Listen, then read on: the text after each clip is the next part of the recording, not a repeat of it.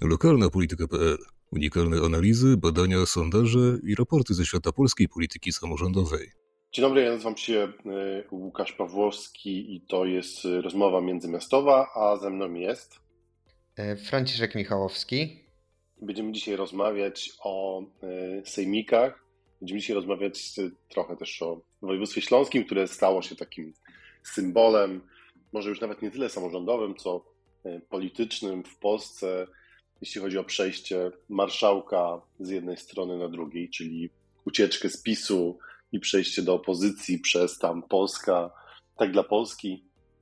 To taka, taka dziwna konstrukcja, ale jakby porozmawiamy trochę o tym województwie z tego względu, że po pierwsze e, przygotowaliśmy sondaż e, kilka miesięcy temu i pytaliśmy o województwo śląskie, pytaliśmy o sejmiki, pytaliśmy o samego marszałka, więc mamy tutaj trochę danych. A po drugie, y, za tydzień w Gazecie Wyborczej y, wszystkich oddziałach będzie nasza prognoza sejmikowa, żeby zobaczyć, jak y, ta sytuacja w sejmikach dzisiaj w Polsce by wyglądała, gdyby dzisiaj były wybory. Taką prognozę przygotowywaliśmy z Gazetą Wyborczą dokładnie rok temu w grudniu. Teraz to powtarzamy i patrzymy, co się zmieniło, co, jak to wygląda. Myślę, że jak, jak czytelnicy zobaczą, co się dzieje w województwie śląskim, to wtedy też niektóre ruchy będą dużo jaśniejsze. E, a Franciszek, może opowiedz o naszym sondażu na Śląsku. E, w czerwcu 2022 roku zrealizowaliśmy sondaż w województwie śląskim, w którym zapytaliśmy e, mieszkańców województwa, na kogo zagłosowaliby w wyborach do Sejmiku województwa. To był czerwiec, więc mieliśmy jeszcze górkę poparcia dla PiS po wybuchu wojny na Ukrainie, więc poparcie dla PiS wówczas w Sejmiku Województwa Śląskiego wynosiło 3, około 31%, co było, co stanowiło wynik bliski temu, które PiS osiągnął w wyborach do Sejmiku w 2018 rok, więc mamy tutaj niewielki spadek PiSu. E, jeżeli chodzi o poparcie dla koalicji obywatelskiej, to wynosiło ono około 25%.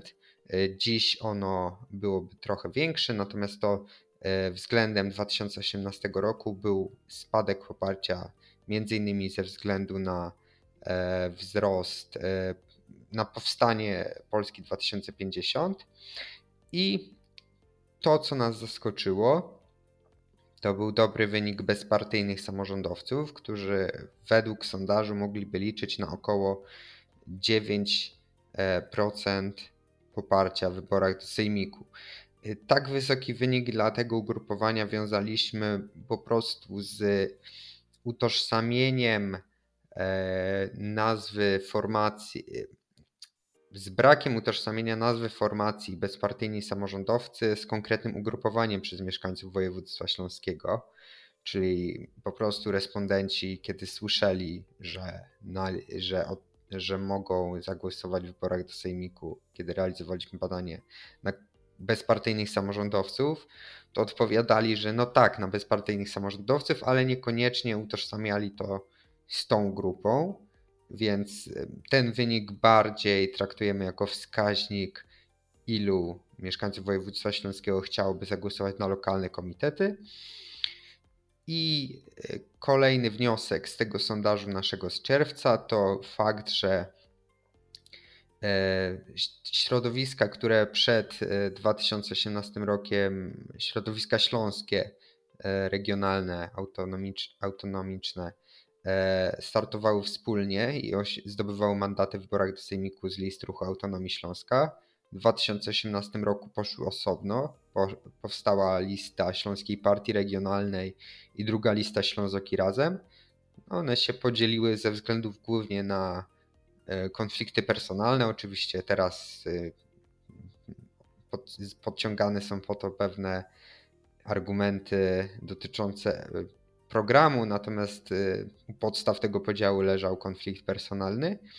No i kiedy wystartowały w wyborach e, do Sejmiku Województwa Śląskiego w 2018 roku te dwie listy, głosy się podzieliły i partie śląskie nie zdobyły mandatu w wyborach do Sejmiku.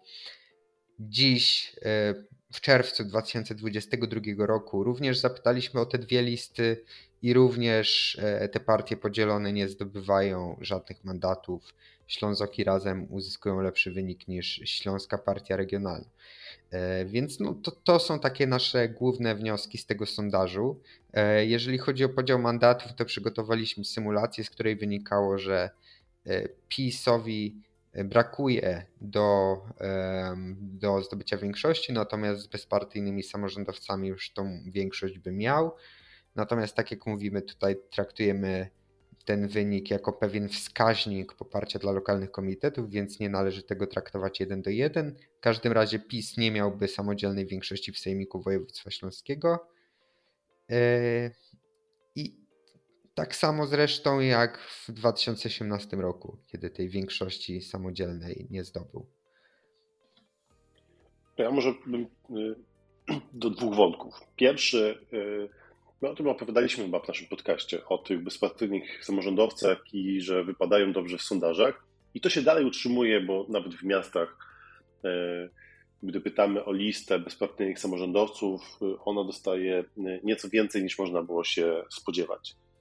E, I mm, opowiadałem o tym też w wywiadzie w Gazecie Wyborczej i odezwał się do mnie jeden z, e, z osób z dużego miasta, który tam tą polityką się zajmuje i mówi, słuchaj, dobrze, że o tym powiedziałeś, bo my robiliśmy badanie e, i robiliśmy też badania fokusowe i nam wyszło dokładnie to samo, że ci ludzie to tak średnio kojarzą te ruchy samorządowe, na, jak słyszą bezpartyjni samorządowcy, to mówią, o super, fajnie, to ja bym zagłosował.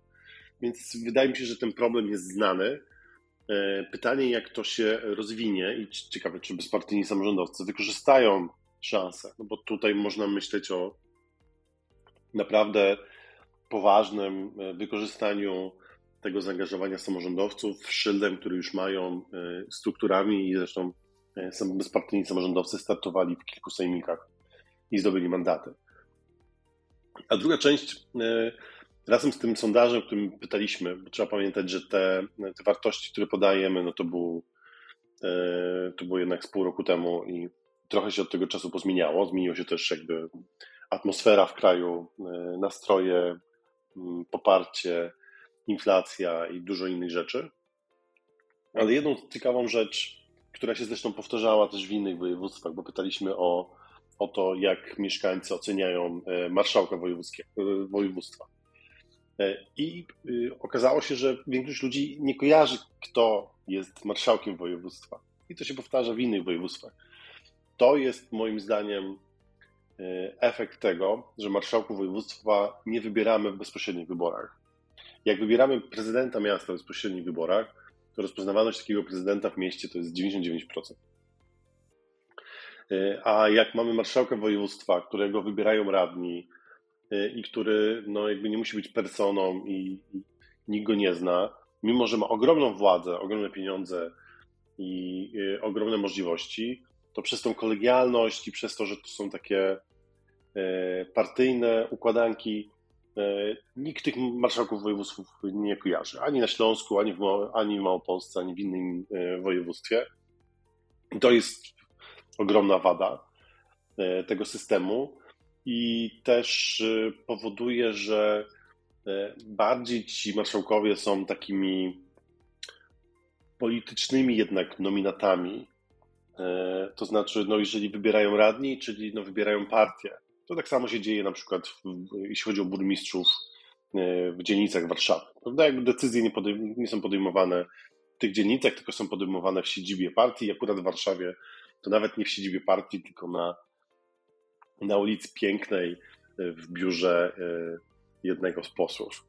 Tak to, e, tak to wygląda, jeśli chodzi o ten, ten wpływ samorządowy na, na to, kto jest burmistrzem na przykład dzielnicy w Warszawie albo kto jest marszałkiem województwa. Te decyzje tam, jeżeli gdzieś rządził PiS, no to decyzje podejmował Jarosław Kaczyński, Nowogrodzka i tak dalej. Więc to jest duża wada tego systemu, bo po pierwsze te decyzje nie podejmują ci, te samorządy na miejscu, po drugie nikt tych marszałków y, nie kojarzy.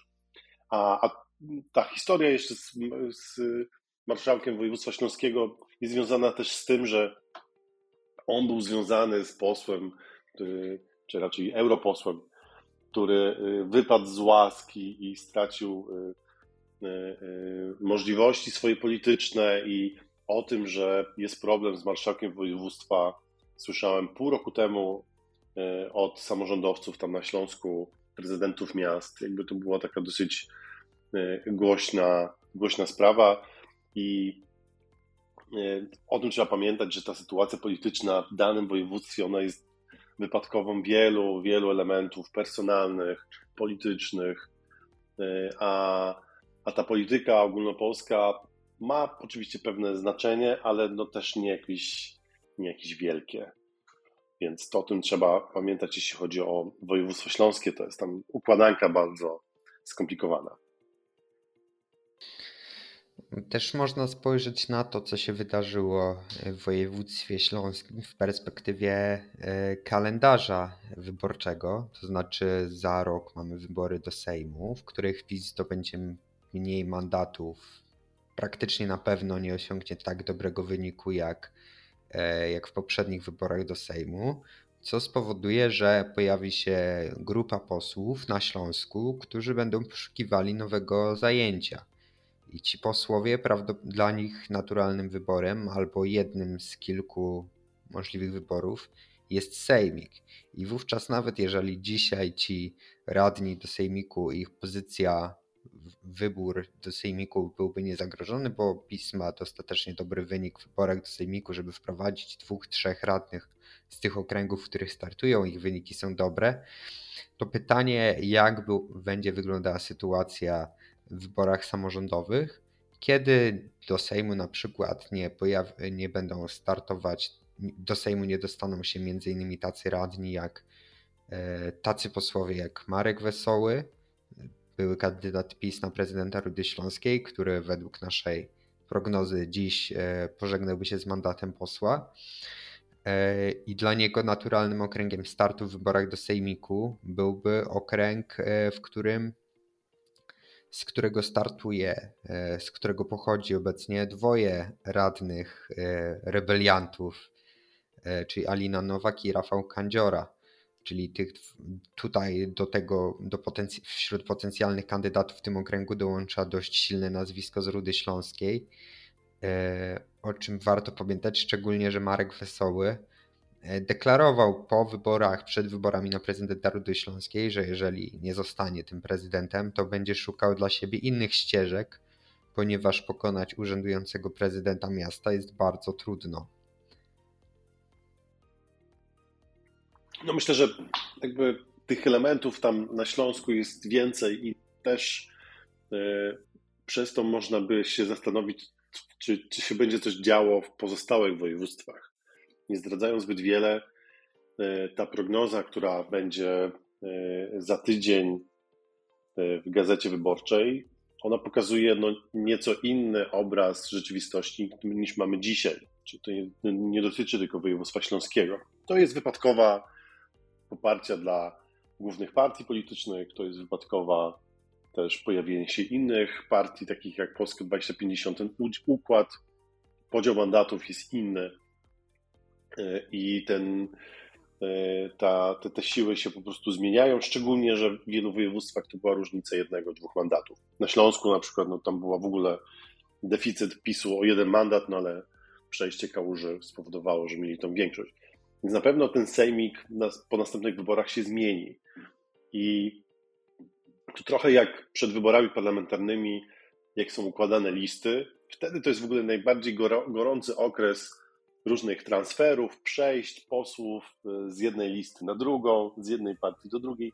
Z tego względu, że no jakby jest kalkulowanie, czy się dostanę, czy, czy, znajdę, czy znajdzie się dla mnie miejsce, czy jednak się nie znajdzie, a może e, spróbuję szans gdzie indziej. I wydaje mi się, że takie rzeczy mogą się dziać. Już wiele miesięcy temu mówiliśmy o tym, że na przykład takie ruchy mogą się pojawiać w dużych miastach, jeśli chodzi o radnych. Poparcie dla Prawa i Sprawiedliwości od wyborów z 2019 oczywiście spadło i to jest jakby banał, ale ono spadło dużo bardziej w miastach niż na, na terenach wiejskich. co powoduje, że ta pozycja PiSu w, w dużych miastach jest y, dużo, dużo słabsza. O tym też wielokrotnie mówiliśmy. Więc ci, ci politycy tej partii y, w tych miastach no, też będą patrzeć na swoją, swoje możliwości, swoje, swoje szanse na reelekcję i będą szukać sobie jakiegoś rozwiązania. I takie deklaracje jakichś radnych miejskich PiSu, że to oni teraz już przejrzeli na oczy i oni teraz by chcieli jednak budować praworządność i, i demokrację, no to jakby należy wrzucić między bajki. Jakby każdy tutaj będzie patrzył pod swoim kątem. Taki ruch będzie też e, po stronie też opozycyjnej, bo będą e, się partie zastanawiać, w jakiej konfiguracji wystartować do sejmików. Tu w szczególności PSL ma ciężki orzech do zgryzienia, bo najpierw musi przetrwać wybory parlamentarne, dlatego nie jest w stanie zrobić bez koalicji z jakąś partią. E, a jeżeli tych wyborów parlamentarnych nie przetrwa i nie wejdzie do Sejmu, no to, to pod dużym znakiem zaufania, e, za, zapytania stoi ich start do sejmików samodzielnych. Więc tutaj jeszcze dużo się rzeczy może wydarzyć, e, ale na pewno należy patrzeć też na to, że politycy to są tylko ludzie, mają na utrzymaniu rodzinę, patrzą na, temat swojej przyszłości, kariery i sobie kalkulują, co by można. Przez, przez chwilę, to jeszcze na, na koniec w tym wątku, e, przez chwilę pojawił się pewien, e, pewien przeciek, czy pewna plotka, że e, marszałek Chrostowski mógłby wystartować na prezydenta tych, czy jak to mówi poseł gramatyka, tychów. Tak jest chyba prawidłowo, chociaż podobno obie wersje są prawidłowe. Więc Chełstowski na prezydenta Tychów, z tego względu, że prezydent Dziuba jest już bardzo, bardzo długo i już się zastanawiał nad rezygnacją w poprzednich wyborach. I e, przez to, że prezydent Tychów obecny był jednym z głównych takich konstruktorów tego przejścia, no to wydawało się całkiem ciekawą e, opcją. Potem zostało to kilkukrotnie e, zaprzeczone. No zobaczymy, jak to będzie. Jakby zaprzeczenia polityków e, podchodził do, nich sceptycznie. Ale na pewno dużo się jeszcze w tym gronie i wokół samorządów będzie działo. Im bliżej będzie wyborów, tym, tym szybciej. A, e, a w ogóle po wyborach parlamentarnych, które pokażą nam na przykład, czy PiS dalej rządzi, czy rządzi opozycja, no to wtedy należy się spodziewać jakiejś fali przejść zdrad y, i tego typu wydarzeń. Ten scenariusz, że marszałek Chełstowski by kandydował na prezydenta Tychów e, jest dość ciekawy, szczególnie, że on już kandydował na prezydenta tego miasta i osiągnął bardzo dobry wynik. Wcześniej był wiceprezydentem w mieście, później był ten konflikt między nim a prezydentem miasta. E, później losy tak się potoczyły, że faktycznie dołączył do PiSu i kandydował e, z, e, do Sejmiku Województwa z list tej partii. Natomiast już jakby jest weteranem walki o urząd prezydenta tego miasta. Ale w takim razie, jeżeli nie prezydent miasta, to jak myślisz, Łukaszu, jaka jest przyszłość marszałka Chełstowskiego? Właśnie nie wiem, czy nas słucha e, marszałek Chełstowski, może ktoś mu wyśle ten podcast. Generalnie te, też porozmawia w rozmowach e, z politykami na Śląsku, bo tak my też działamy, jakby przygotowując sondaże i też dla wielu samorządów pracujemy z wieloma politykami, więc każde takie wydarzenie, nie, nie czytamy newsów w telewizji czy w gazecie, tylko rozmawiamy z politykami na miejscu. I generalnie przeświadczenie jest raczej takie samo wszędzie i takie, które ja mam. Generalnie ta przyszłość tych, tych, e, tych polityków, szczególnie marszałka Chrostowskiego, nie jest jakaś super optymistyczna. I nawet ci, którzy go namawiali do tego przejścia, chyba sobie zdają też z tego sprawę. Biorę się, biorę to jakby z doświadczenia. E, idealnym przykładem jest tu na przykład Jarosław Gowin, który E, prawda, był usilnie namawiany, żeby porzucił Jarosława Kaczyńskiego, a jak już go porzucił, okazało się, że jego posłowie nie, nie robią żadnej różnicy, to teraz nikt się nie pali do tego, żeby brać go na listę. I Gowin ma taką łatkę byłego pisowca, który z Kaczyńskim tam przez wiele lat zmieniał Polskę pod taką modłę, jaką chciał Jarosław Kaczyński, e, a, a, a dzisiaj jest y, dla wyborców PiSu zdrajcą, a dla wyborców opozycji jest dalej tym kimś, kto współrządził z Kaczyńskim. I wydaje mi się, że podobny los może czekać y, Chełstowskiego. Oczywiście to może zależeć też, no, w wersji minimum Chełstowski po prostu może dostać jedynkę w wyborach do Sejmiku. To, to też pytanie z jakiej partii, na przykład z Koalicji Obywatelskiej. Tu akurat mam wątpliwości, czy by się Koalicja Obywatelska na to e, zgodziła. Więc e, no, wydaje mi się, że ta przyszłość nie, nie, nie jest jak, znaczy nie, nie, nie mam wrażenia, że Chełstowski został jakiś bohaterem tej sceny demokratycznej, jak się nazywa sama. I wiem, że tam były też dosyć duże obawy, jak zostanie w ogóle ta operacja odebrana przez takich twardych, opozycyjnych e, wyborców. No ale ci wyborcy cieszyli się po prostu porażką Jarosława Kaczyńskiego. Ale to nie oznacza, że tą wdzięczność to oni w następnych wyborach przełożą i poprą e, na przykład do Sejmiku, i tak samo jak rozmawiałem o tych tychach, o tych tychach, takie ładne z, z, zdanie, to i moje zdanie też jest podobne, że gdyby się nawet tego okazało, że e, prezydent Dziuba tutaj mówi, tu jest mój następca Chełstowski i ja go tu popieram, tak dalej, to bardziej bym się spodziewał takich historii jak w Rzeszowie niż, niż gdzie indziej. To znaczy, wtedy by to oznaczało, że inni kandydaci, którzy by się odwoływali do tego elektoratu opozycyjnego, y, y, mieliby szansę wygrać te wybory z tego względu, że no Chełstowski, to dalej jest ten, kto przez 4 lata razem z PiSem tym województwem rządził.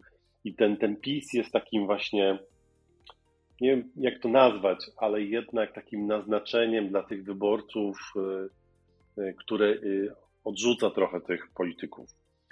Y, jakbyśmy się przyjrzeli po 2.15, bo nie mówię o politykach, którzy przeszli do, na, na stronę opozycji przed 2.15, bo były trochę inne czasy, inna polaryzacja. Jak popatrzymy po 2.15, kiedy PiS wygrał wybory, zmieniał trybunał i generalnie polityka przyspieszyła, nie przychodzi mi do głowy ani jeden polityk z tamtego obozu, który został przyjęty, zaakceptowany przez drugą stronę. Jakoś nie w głowie mi, e, w głowie mi jakoś nie, żaden przykład nie, nie, nie przychodzi. To pokazuje, jak, działa ta polaryzacja i pokazuje, jak, jak silne są te podziały i jak silna jest ta nieufność. I, I oczywiście ci wyborcy opozycyjni będą kibicować, żeby tego Kaczyńskiego zostawić i tak, tak, chodźcie z nami, a na końcu okaże się, że e, no nie, to jednak nie mamy do ciebie zaufania, to może innym razem. Nie wiem, czy tobie przy, przy, przy, przypomina sobie jakieś takie nazwisko, takie przejście po 2.15? Mhm, tak, tak, tak. Właśnie zastanawiałem się nad tym. E, no i tutaj to jest taka propozycja powiedzmy kontrowersyjna, ponieważ Kazimierzowi Ujazdowskiemu nie udało się kandydować na prezydenta Wrocławia. Natomiast ostatecznie został senatorem e, w ramach paktu senackiego e, i można powiedzieć, że został w pewien sposób rozgrzeszony. Teraz jest senatorem PSL-u i mam wrażenie, że tutaj tutaj to się jakby udało w jakiś sposób. A tutaj, to tutaj bym się z Tobą nie zgodził. Po pierwsze, y, zauważ, że w 2.15 jakby Gwiazdowski nie był znaczy może być może formalnie był jeszcze wpisy, już nie pamiętam jego historii, ale no na pewno nie był częścią ekipy, e, która przejęła władzę w 2015, uczestniczył w tej ekipie i przeszedł. A po drugie, jak e, Platforma go wystawiła do testu e, wyborców na prezydenta Wrocławia, to bardzo szybko musiała go wycofać, bo okazało się, że przegra. W Senat to była taka jakby no taka szansa jedyna, żeby przepchać go przez przez te wybory, to znaczy bardzo opozycyjny okręg, e, w którym jakby wyborcy głosowali za, e, za konkretną listą. Ale tutaj jakby nie, spełniał, nie spełniał moim zdaniem tego warunku, że był w tej ekipie 2.15, która przyjęła władzę. I drugie nazwisko, które mi przychodzi do głowy, to jest Wojciech Maksymowicz, poseł z Olsztyna, który w 2019 dostał się do Sejmu z rekomendacji Jarosława Gowina i miał i po odejściu z PiSu dołączył do Polski 2050 i gdyby nie fakt, że później okazały się, jak, pojawiły się jakieś zarzuty wobec niego tam, e, pojawiały się zarzuty o wykonywanie eksperymentów medycznych i teraz odejście z Polski 2050 rzekomo z powodów e, zawodowych, ale być może te powracające zarzuty były tutaj e, powodem odejścia Wojciecha Maksymowicza, e, to tutaj, to tutaj nie było jakiegoś takiego linczu. Raczej został ciepło przyjęty jako takie umiarkowane centroprawicowe skrzydło Polski 2050. Chociaż to jest raczej polityk powiedzmy drugiego, trzeciego szeregu to tutaj już bardziej jestem w stanie się faktycznie, tak w połowie, bo po pierwsze, y, no jednak y, Maksymowicz nie został poddany testowi wyborczemu, znaczy nie wystartował jeszcze w wyborach i jeszcze wyborcy nie mieli okazji i możliwości na niego zagłosowania, bo mogli zagłosować zupełnie inaczej. Załóżmy, że na przykład Hołownia wystawiłby Maksymowicza z jedynki, a tam go przeskakuje, nie wiem, dwójka i trójka. No to mielibyśmy wyraźny sygnał, że fajnie, fajnie, ale no tutaj tam z Gowinem i. E, nie przekonamy się tego, no bo e, e, Polska 2050 się z Maksymowiczem pożegnała i no nie sądzę, żeby ktoś go tutaj przytulił. Więc to tak w połowie bym się zgodził. Może faktycznie. Jak gdzieś właśnie jacyś tacy międzygowinowcy, ktoś taki, tam gdzieś, po, po, po, gdzieś tam pomiędzy. E, ale no, takiego przejścia, czy w samorządzie, czy, czy w polityce ogólnopolskiej, z jednego głównego nurtu. Tak jak nie wiem, kiedyś Roman Giertych, prawda? Roman Giertych kiedyś w koalicji z Leperem i z, i z Kaczyńskim, a dzisiaj prawda, w liberalnych mediach i, i reprezentant głównych polityków opozycyjnych jako ich mecenas. No, takich historii już nie ma, więc to jest też ciekawe. Też jestem sam ciekawy, gdyby na przykład Roman Giertych faktycznie gdzieś wystartował w wyborach, może nie w takim okręgu, gdzie musi wygrać, tylko no, gdzie jest to, te szanse są wyrównane, jakby ten elektorat się e, e, zachował. Wiem, że Roman Giertych miał takie ambicje, nie wiem, czy dalej ma, ale na pewno chciał, chciał być e, senatorem, chciał być. Bo posłem to nie sądzę, ale senatorem myślę, że Roman Giertych chciałby zostać. Myślę, że to by mogło się skończyć jak w okręgu numer 100 w 2019 roku, czyli Mm, elektorat podzieliłby się, znaczna część elektoratu opozycji po prostu zagłosowałaby na trzeciego anonimowego kandydata jakiegoś niezależnego, bezpartyjnego. Myślę, że taka analogia, e, e, takie, taki scenariusz gdzieś wydaje mi się najbardziej prawdopodobny, czyli, czyli w, gdyby, gdyby to nie był okręg e, mocno opozycyjny, to myślę, że wygrałby kandydat PiSu. Gdyby to byłby okręg, w którym opozycja jest silniejsza, to spodziewałbym się, że mogłaby być to zwycięstwo o, o ułamek, o jakąś e, niewielką liczbę głosów po przejęciu dużej części wyborców opozycyjnych przez kandydata niezależnego. To to jest jakby ten case Ujazdowskiego i go nie przez przypadek umieszczono w Warszawie, gdzie tam przewaga opozycji nad PiSem jest jakby monstrualna nawet przy tym trzecim kandydacie z obywateli RP, który jakby no, w sprzeciwie, że Ujazdowski, jak to, gdzie to wystartował, ale jednak tych głosów opozycyjnych było tak dużo, że nawet przy tym trzecim kandydacie, który, który zabrał część głosów, no to jednak kandydat PiSu się nie zbliżył. Przypominając trochę historię okręgu numer 100, e, to tam e, większość senacka opozycji wisiała na chyba 300 głosach, bo e, głosy opozycji się podzieliły, a kandydat PiSu brakowało mu 300 głosów, żeby tym senatorem zostać, nie byłoby większości senackiej. Historia by się potoczyła zupełnie e, inaczej. Pytanie, czy opozycja z tego wyciągnęła jakieś wnioski. Zbliżamy się do pół godziny. Myślę, że to jest ten dobry, ta, ta dobra tradycja, żeby pół godziny poopowiadać o samorządzie. E, ja bardzo dziękuję. Ja się nazywam Łukasz Pawłowski. To była rozmowa międzymiastowa. Rozmawialiśmy z, z Franciszkiem Michałowskim i zapraszamy za dwa tygodnie. Do usłyszenia.